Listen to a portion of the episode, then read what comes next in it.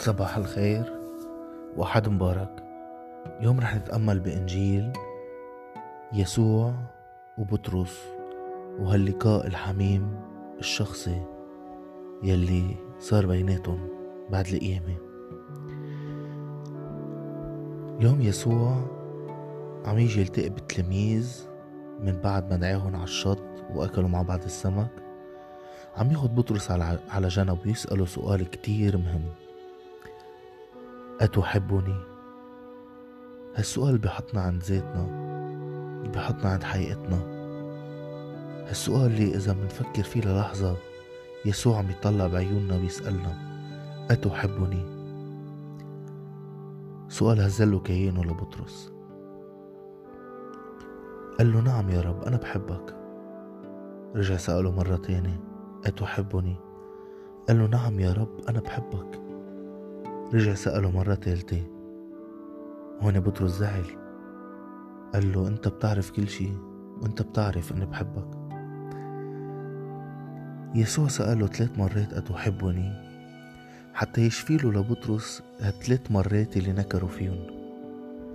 ما إجا عاتب وقال له يا بطرس ليش نكرتني؟ إجا قال له أتحبني رغم كل شي أتحبني وهل أنا اليوم بحب يسوع أكتر من كل شيء؟ أكتر من أفكاري أكتر من مصالحي الشخصية بحبه؟ بيقول القديس يوحنا الصليب وبتعيدها وراه القديسة تريزا طفل يسوع في مساء هذه الحياة سوف نحاسب على الحب مش على أعمالنا وكميتها على الأشياء اللي بنعملها والأفكار اللي بنقولها رح نتحاسب على قديش حبينا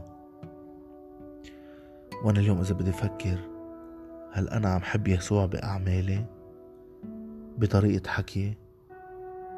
بحياتي الشخصية؟ إذا نحن بنتبع يسوع كان بحياة مكرسة أو حياة زواج أو علمانية مثل ما يسوع بدلنا. هل عم بتبعه بحب؟ لأنه الإنجيل بيخلص بيقول اتبعني. يسوع بيقول له لبطرس أساس الاتباع وأساس المسيرة وراء يسوع هي الحب ولا شيء إلا الحب. وحد مبارك.